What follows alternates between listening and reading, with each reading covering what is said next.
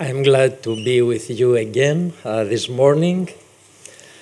Uh, and uh, we continue studying the servant mindset, mindset of Jesus, and now we'll focus the mindset, uh, the servant mindset of Jesus in men, especially. And uh, uh, in the grace of God, we'll see four areas that uh, we as men uh, can uh, practice the servant mind of Jesus. So we'll see this mindset in the family, in job, in our jobs, in the church, and in our social life. let's begin with the family, the servant mindset in the family.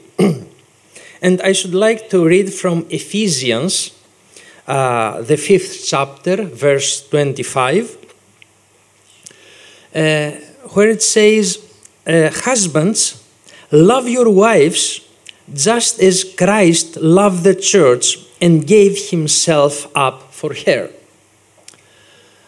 Uh, well, it begins with a very high standard for our family life. It says to us, men, men, love your wives as Jesus loved the church. But Jesus sacrificed himself for the church.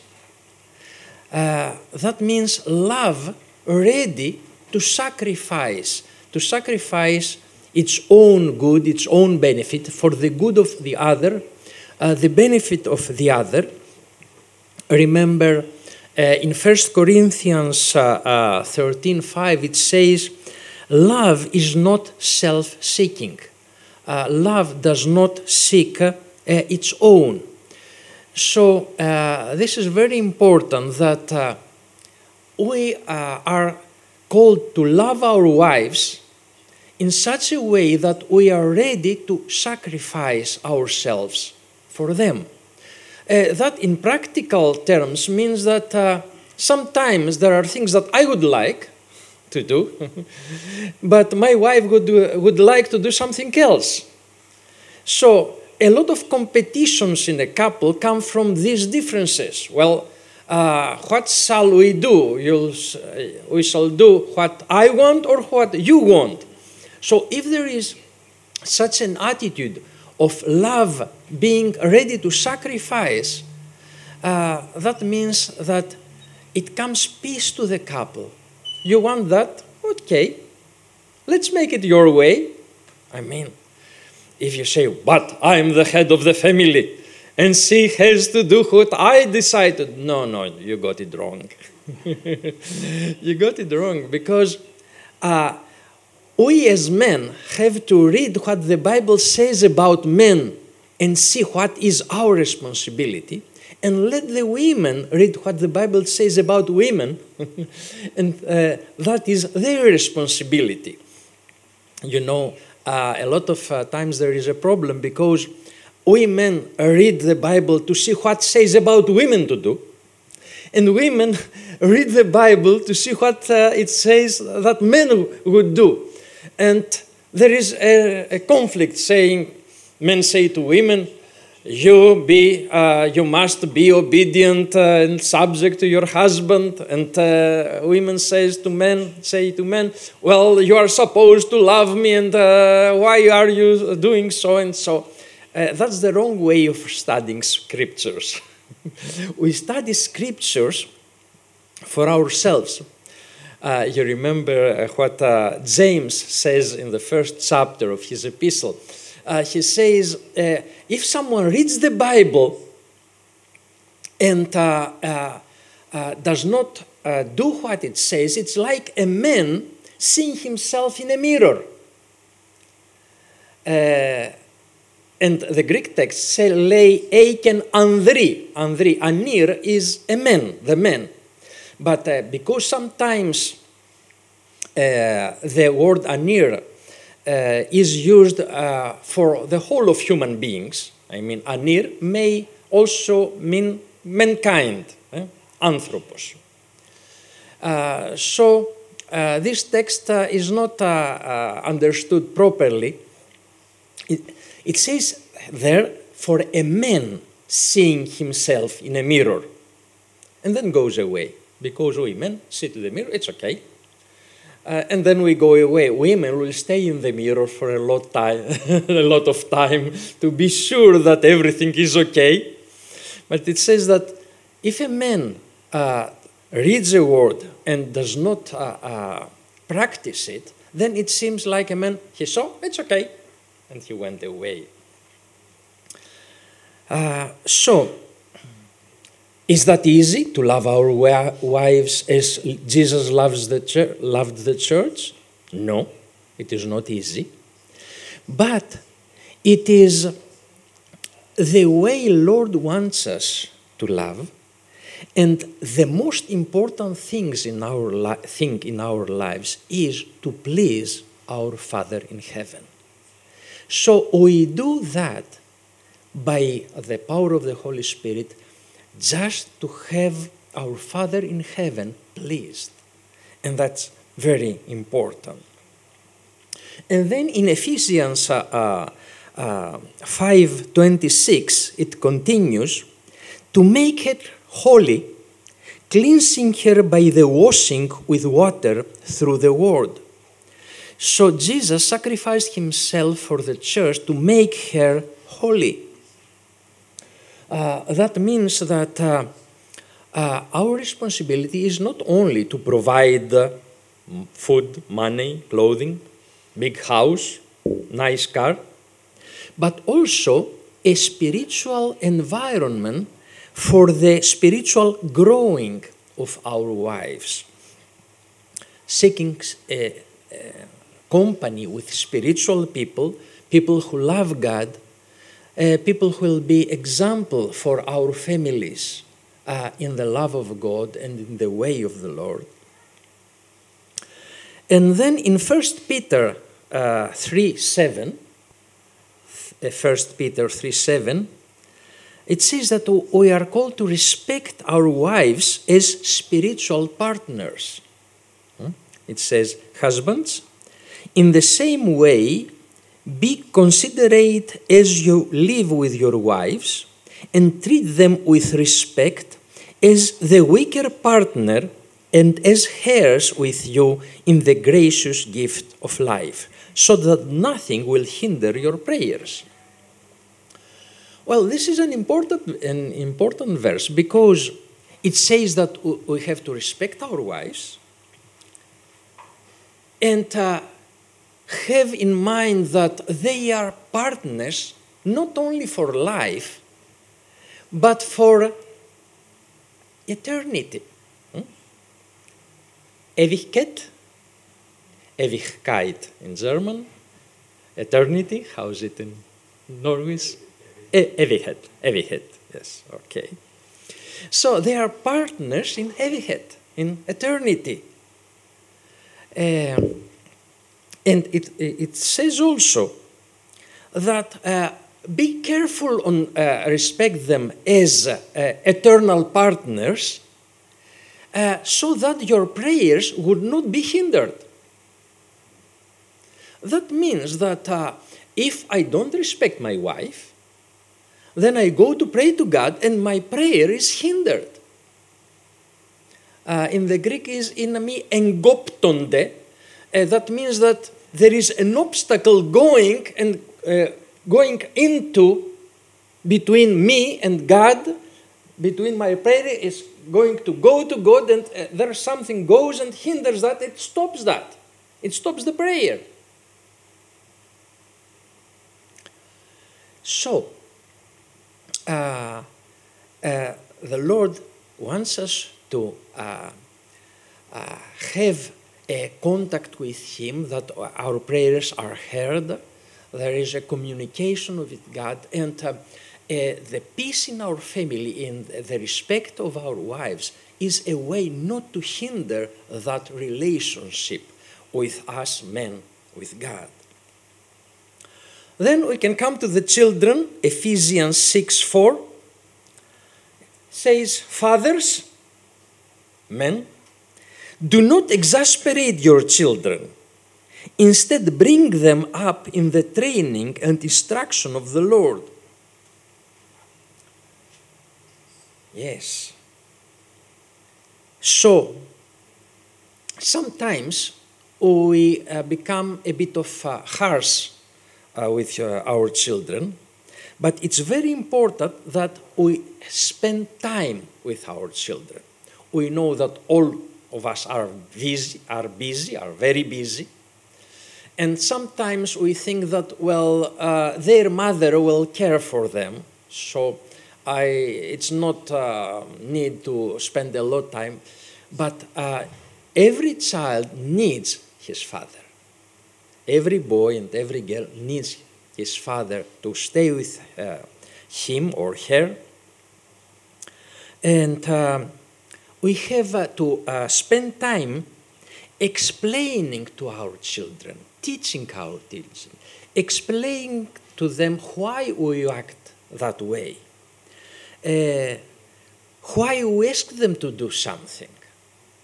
Uh, sometimes we like to give orders. You do that, and you do that, and you do. Yes, okay, you, you'll give the order, but please explain to the child why you are giving. What is the reason of that?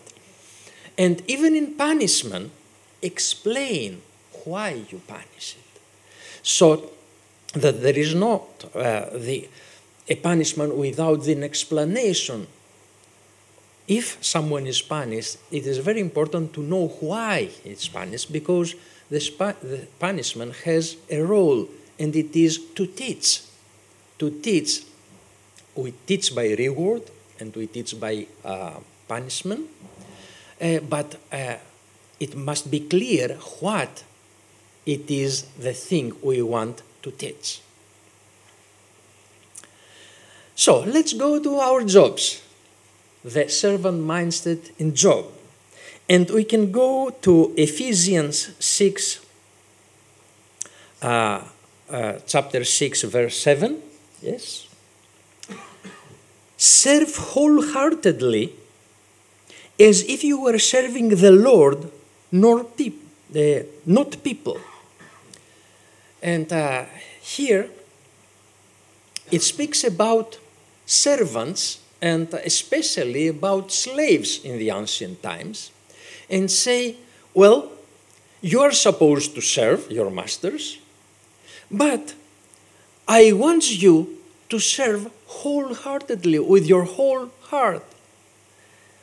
And not as serving uh, the people, but serving the Lord.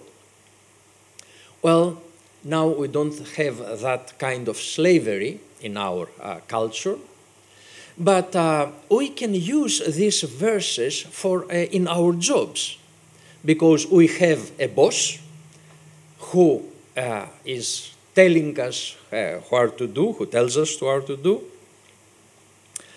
So, uh, it's very important in our jobs to serve our boss diligently so that uh, we worth uh, every krone or euro uh, we receive uh, in payment uh, because it says that everything you do everything we do we are supposed to do it before god before the lord so if i know that uh, i do something in my job before god i should try to do it the best way i can and uh, trying to do it the best way I can, I'll be a good employee.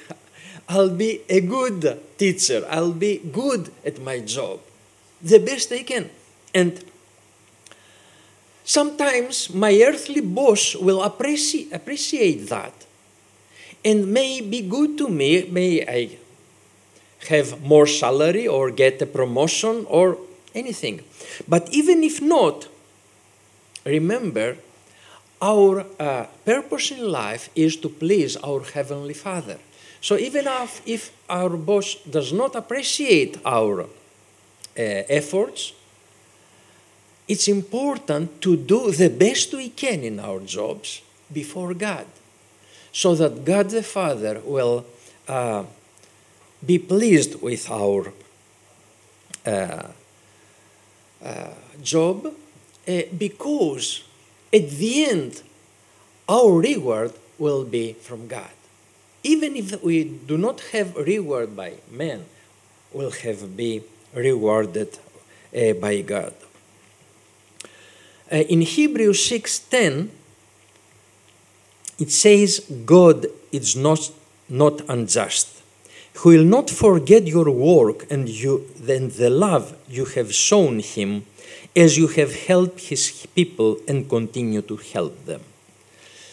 Uh, as we uh, work, as we minister, as we do anything, God is just. And there will be reward, there will be repayment, repayment, uh, repayment for that.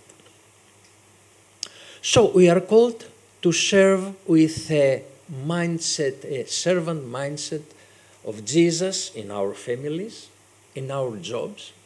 And now, now let us come to the church.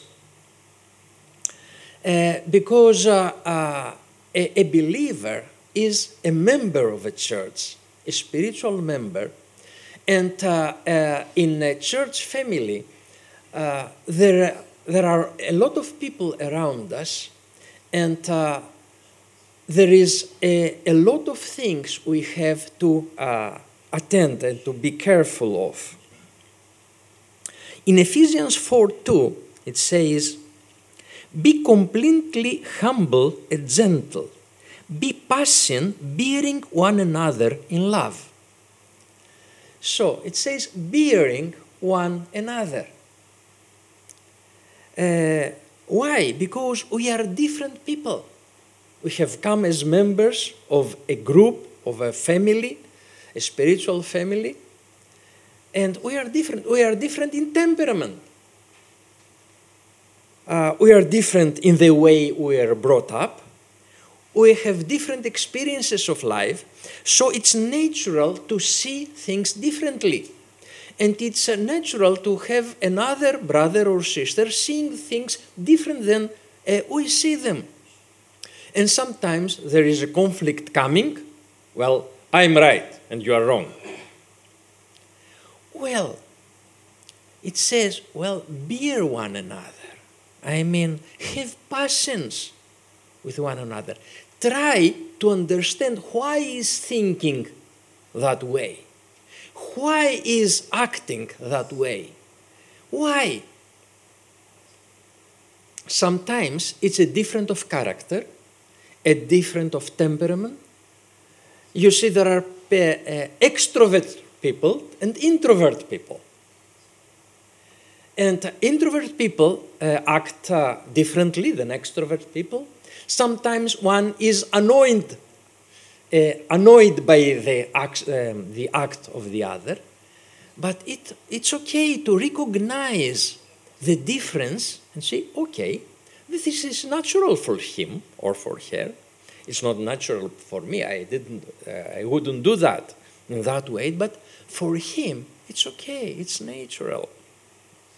So, bear one another in love.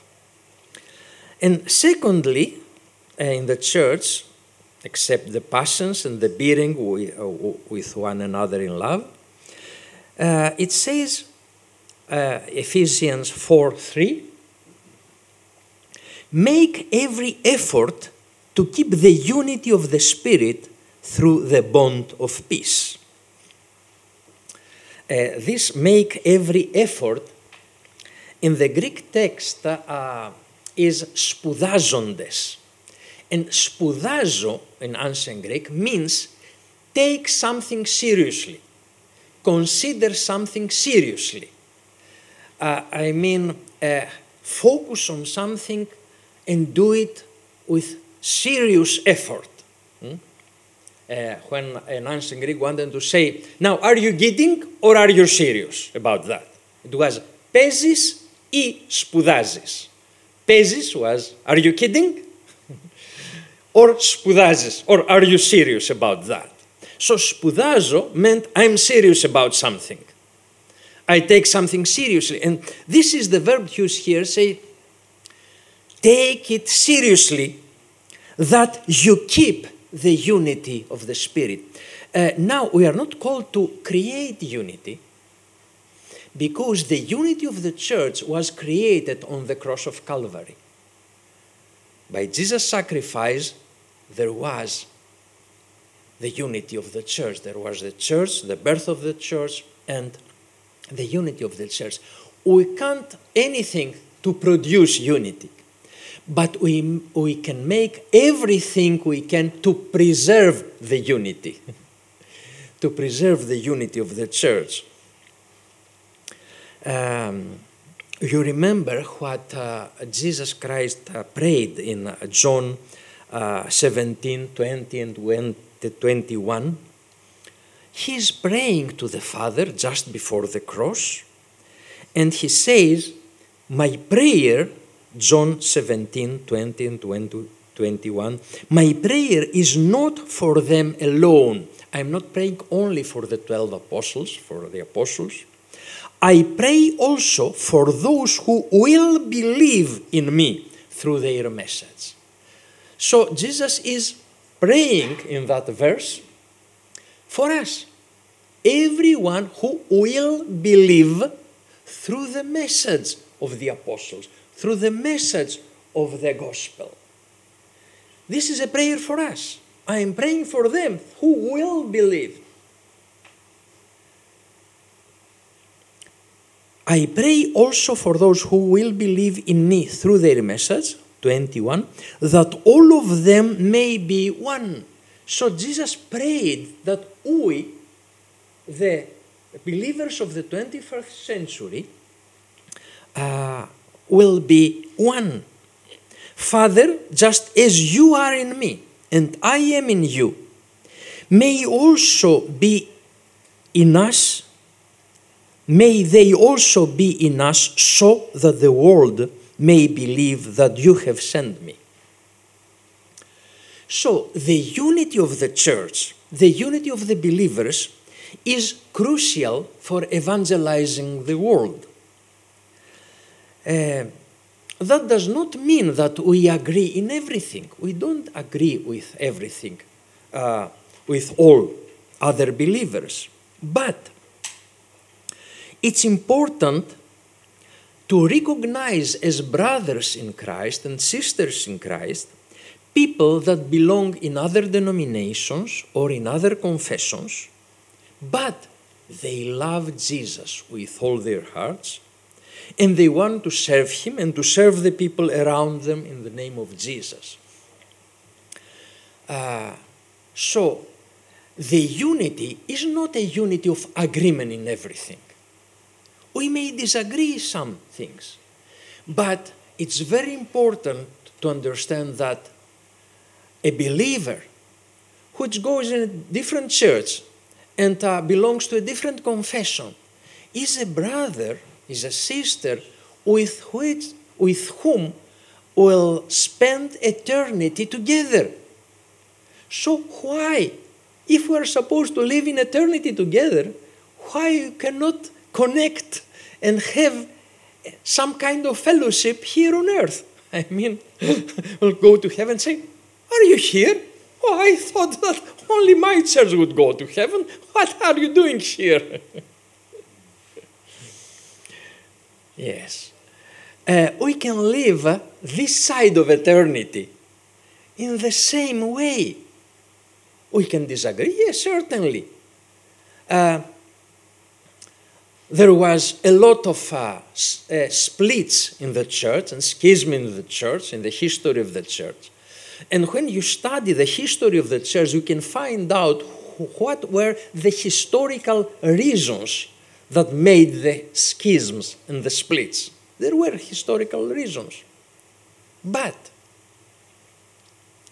uh, it's another thing to have a different theology and a different understanding of the Bible. And it's another thing to love God and to love Jesus Christ with all your heart. If you find people loving God and loving Jesus with all their hearts, you'll find out that you can have spiritual contact and spiritual fellowship with them even if you disagree in some, in some matters of theology. And this is the unity of the church. You see, uh, Devil took very seriously that verse. Jesus said, Well, I want my people, my believers, to be all one so that the world will understand that I am the one sent to save the world. Savior says, okay, the world will understand that He is the Savior, Jesus is the Savior, the only Savior. If they are together, I'll make every effort to split them up. And He succeeded uh,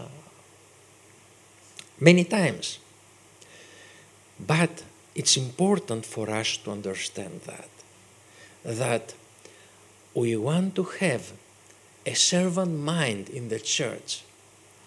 And with that mind, we'll keep the unity through the peace. So, sometimes uh, I meet people belonging in different uh, confessions or different denominations and say, What are our differences? I say, why would you like to discuss our differences? I would like to discuss what we agree with. Hmm? What are the points of our agreement? If you take the different confessions and the different denominations and study who, how, uh, uh, which is the percentage of the difference and the percentage of the agreement, you'll find there is an agreement 90% or 95%, and there is a disagreement on this 5% or 10%. So, why don't we focus on 90%? Why don't we focus on 97, uh, 95%? And we focus on 5%, the disagreement, or 10%. Because there are so many in common with every believer, every confession, every denomination in earth. But there is a spiritual resistance on that in the unity. And we have to understand that there is a resistance and to fight against the one resisting the unity of the body of Christ. Uh, you see, and even in one special uh, uh, body of Christ, there are disagreements and there are splits among believers. Well, we, we have to understand who is behind these disagreements, who is trying to spoil the unity. And you see, what God says to us is not create unity. just keep it. Just don't spoil it. Uh, that's what, uh, even in English, uh, uh the verb uh, keep the unity, keep means, and uh, uh, the Greek verb tiro is that some, something is there and I preserve it. I keep it. I do not spoil it. Uh, I have my mind not, every, not uh, to be spoiled by anyone else. That is tiro, tiro, or dia tiro um, in modern Greek. Uh, so, first, bearing one another in the church. Second, keeping the unity through peace. Third, serving one another uh, with our gifts. In 1 Peter 4.10, 1 Peter 4.10, says, each of you, speaking to believers, each of you, in Greek, ekastos, should use whatever gift you have received to serve others as faithful stewards of God's grace in its various forms. Uh, it says, each one. God has given gifts to every believer. Every believer has one or more gifts. And we are called to serve one another with that gifts. So the idea of the church in the Bible there, uh, is not people coming, hearing a sermon, and then going home. And then coming again, hearing another sermon, and then going home. And then coming again to hear another sermon.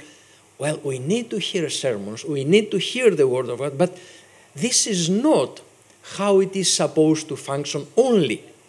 We hear the Word because we, we have a need to be taught the Word of God, to uh, fill our spirit with the Word of God. But then it says, each one, everyone, please find your gift and serve the body with your gift. And uh, in uh, uh, the next verse, uh, 411, it says, If anyone speaks, and then if anyone serves, so there gives two uh, big categories of gifts. There are gifts of speech, and there are gifts of practical help. So it doesn't matter which is the gift you have, but you have to find it, I have to find it, and ministry and minister uh, through that gift. Uh, it says, as faithful stewards in 10, in verse 10, faithful steward. So the word uh, steward in Greek is economos. Economos.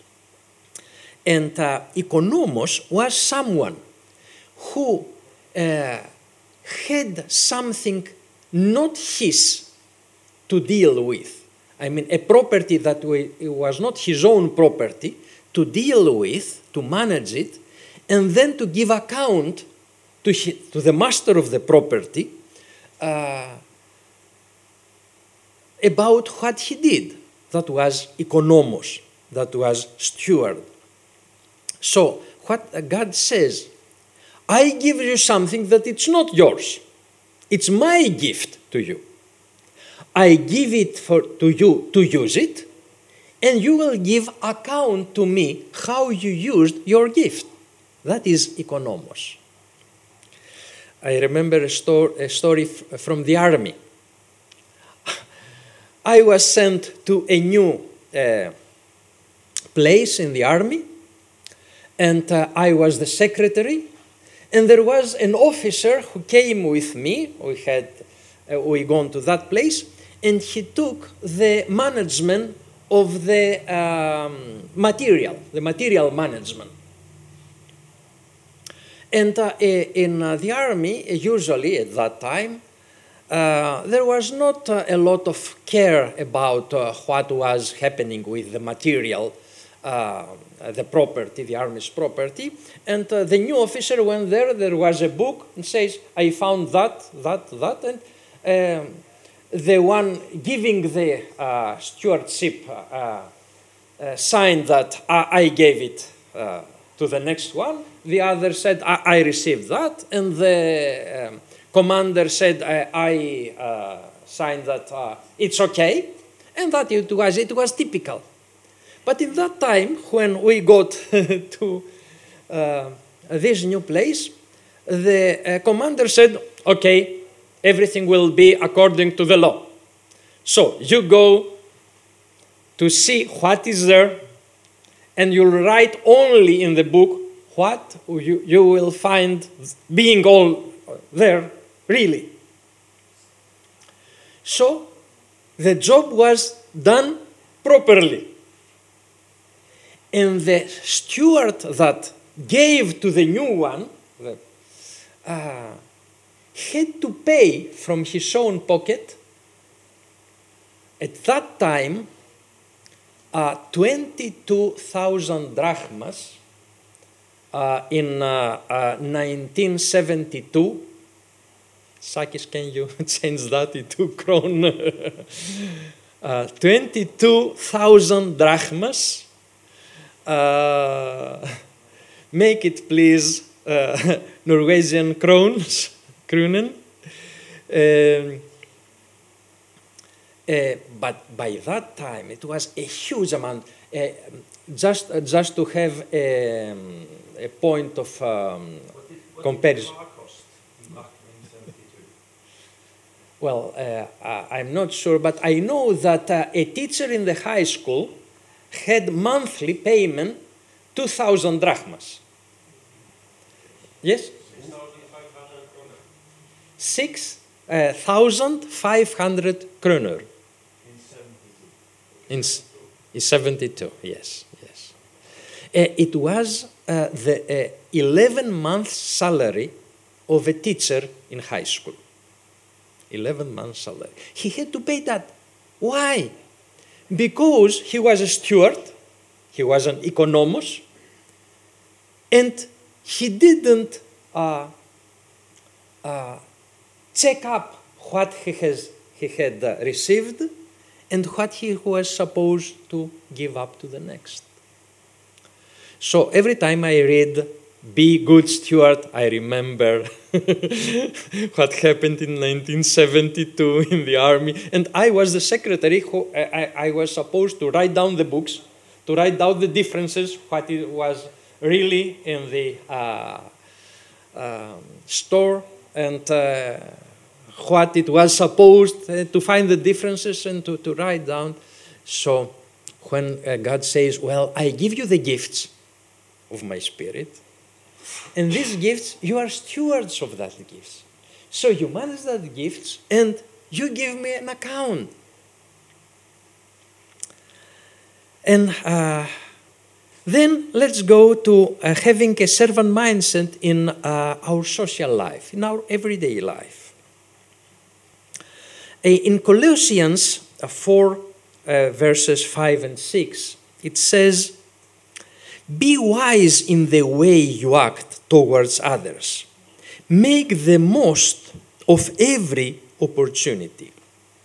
Let your conversation be always full of grace, seasoned with salt, so that you may know how to answer everyone.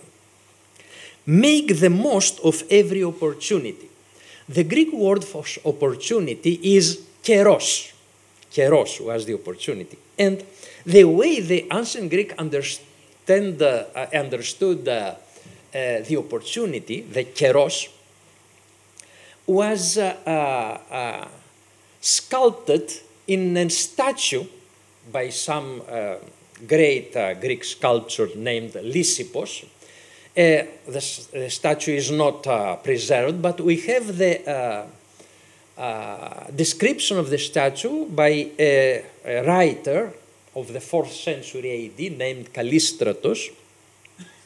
So they uh, thought uh, of keros, of opportunity, as a man having her only in the forefront, here. And being bald all the other uh. So, when keros came, if you wanted to grasp the keros, the opportunity, you have to grasp it just as he comes, because he had hair only here. When he went away, there was no hair to grasp, so you couldn't grasp him while he was going away. You had to take the opportunity to take the keros just when he came. And that's what it says. It says, uh, make the most of uh, every opportunity. Uh, when Keros comes, just grab him. Don't let him to go uh, away because you, if he, he begins going, you, you can't catch him. Uh, and he says, Be you the salt, your words will be like salt. Uh, and you know, the salt is giving taste, and at that time was giving taste, but in that time uh, had another function, preserved things. Uh, there were no refrigerators then, there were no uh, other ways to preserve. If they wanted to preserve something, to preserve meat, to pre- preserve uh, fish, it got it salted. And it was the only way to preserve things. So when Jesus Christ said, uh, You are the salt of the world, it was not only giving taste to the world, but preserving the world around you. 1 Thessalonians 4 11 and 12 make it your ambition to lead a quiet life. You should mind your own business and work with your hands, just as we told you, so that your daily life may win the respect of our outsiders, and so that you will not be dependent on anybody. Uh, that means a life not quarrelsome, not causing disturbance, but bringing peace. And with that uh, quiet life, we bring the peace of God around us. And uh, it's a blessing to be a peacemaker, even when there is a disturbance around. You, you may bring, I may bring the peace of God. Then God said us to us, Matthew 5 uh, 14, You are the light of the world. Uh, and uh, in John 8 12, Jesus said, I'm the light of the world. So Jesus says for himself, I'm the light. And then he said, You are the light. And uh, that means that we take light for, from Jesus and give life and give light. Take life and give life. It's like the moon. You know, moon has not light, but at night we see the moon. And it gives light. It's not her light, it's sun's light. Moon takes light from the sun and sends it to earth at night. So, we are some kind of moon. we take uh, light from Jesus and send light uh, to the world. And we do that even in a crooked generation. Philippians 2:14. Uh, do everything without grumbling or arguing.